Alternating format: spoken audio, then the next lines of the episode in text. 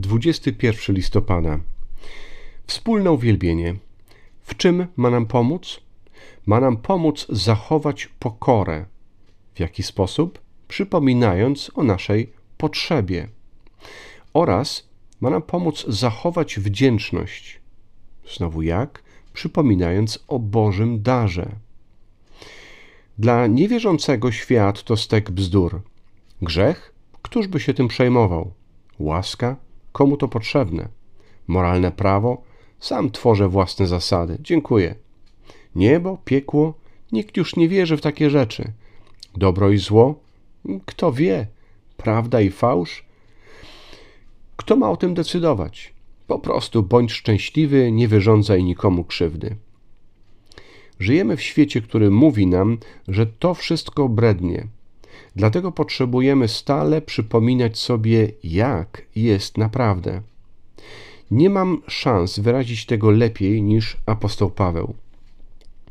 Przeczytam fragment z pierwszego listu do Koryntian, pierwszy rozdział od wiersza 18 w tłumaczeniu słowa życia.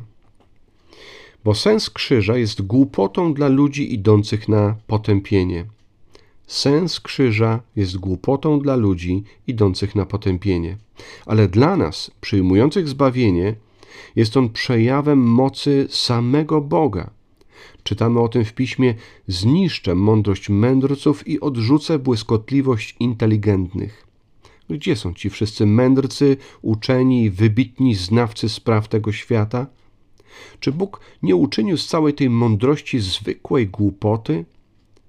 Skoro mądry świat nie poznał mądrego Boga, spodobało mu się przez głupie mówienie, przez głupie zwiastowanie zbawić tych, którzy uwierzą. Hebrajczycy żądają znaku z nieba, Grecy szukają mądrości, a my głosimy ukrzyżowanego Chrystusa. Dla pierwszych jest on zgorszeniem, dla tych drugich nonsensem ale dla nas, powołanych zarówno spośród Hebrajczyków, jak i Greków, jest On Mesjaszem, czyli Chrystusem, tym pomazańcem od Boga, mocą i mądrością samego Boga. Bo coś głupiego u Boga góruje nad mądrością człowieka, a coś słabego u Boga przewyższa ludzką siłę. Zauważcie, drodzy przyjaciele, Niewielu spośród Was uchodzi za bardzo mądrych lub posiada jakąś władzę albo e, szlachetne urodzenie. Bóg świadomie wybrał to, co świat uważa za głupie, słabe i nieważne, aby zawstydzić mądrych, silnych i ważnych.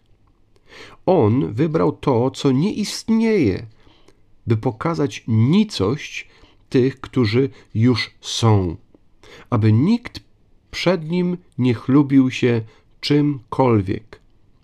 Tylko dzięki niemu żyjecie teraz w Chrystusie Jezusie. I to On jest naszą mądrością, sprawiedliwością, uświęceniem i odkupieniem. Wszystkim od Boga, aby, jak napisano, jak mówi pismo, kto się chlubi, w Panu się chlubił.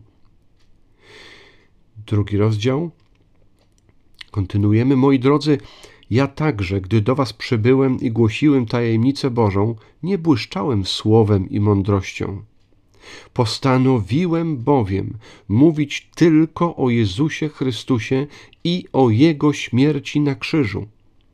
Stanąłem przed wami pełen słabości, nieśmiały i drżący Moje nauczanie nie miało cech wzniosłej mądrości, ale było pełne ducha i mocy Boga.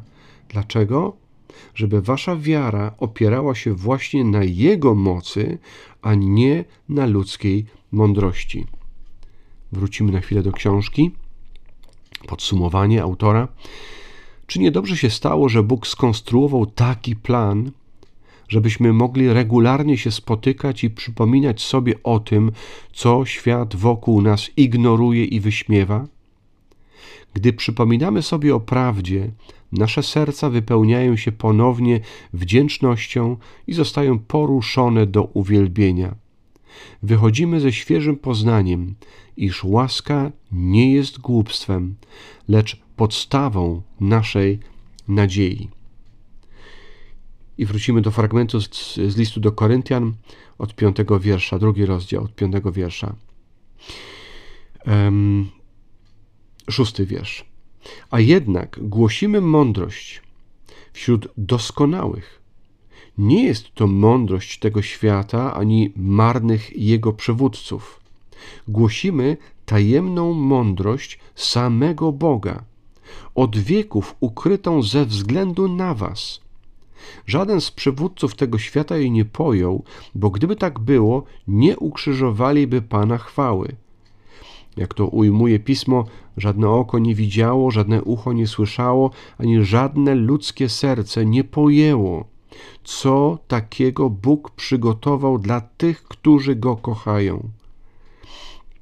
I nie jest to mowa tylko o niebie, to już jest moje dopowiedzenie, ale właśnie o tej tajemnicy, e, którą Bóg daje nam poznać odnośnie naszego zbawienia w Chrystusie. Wracamy do tekstu, dziesiąty wiersz. Ale nam Bóg to objawił, te właśnie tajemnice, nam Bóg to objawił przez swojego ducha. On bowiem przenika wszystko i zna najgłębsze Boże tajemnice. Kto z ludzi wie, co kryje się w człowieku, jeśli nie on sam, jego duch? Podobnie nikt poza Duchem Bożym nie może wniknąć w Boga. Ale my nie przyjęliśmy ducha tego świata, otrzymaliśmy od Boga Jego ducha, żeby pojąć to wszystko, czym nas obdarował. Mówimy o tym nie w błyskotliwych słowach ludzkiej mądrości, ale słowami pochodzącymi od Ducha Świętego, by sprawy duchowe wyrażać w duchowy sposób.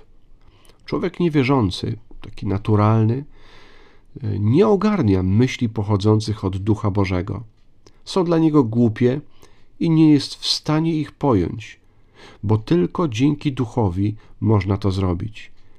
Człowiek duchowy rozumie to wszystko, ale inni go nie rozumieją.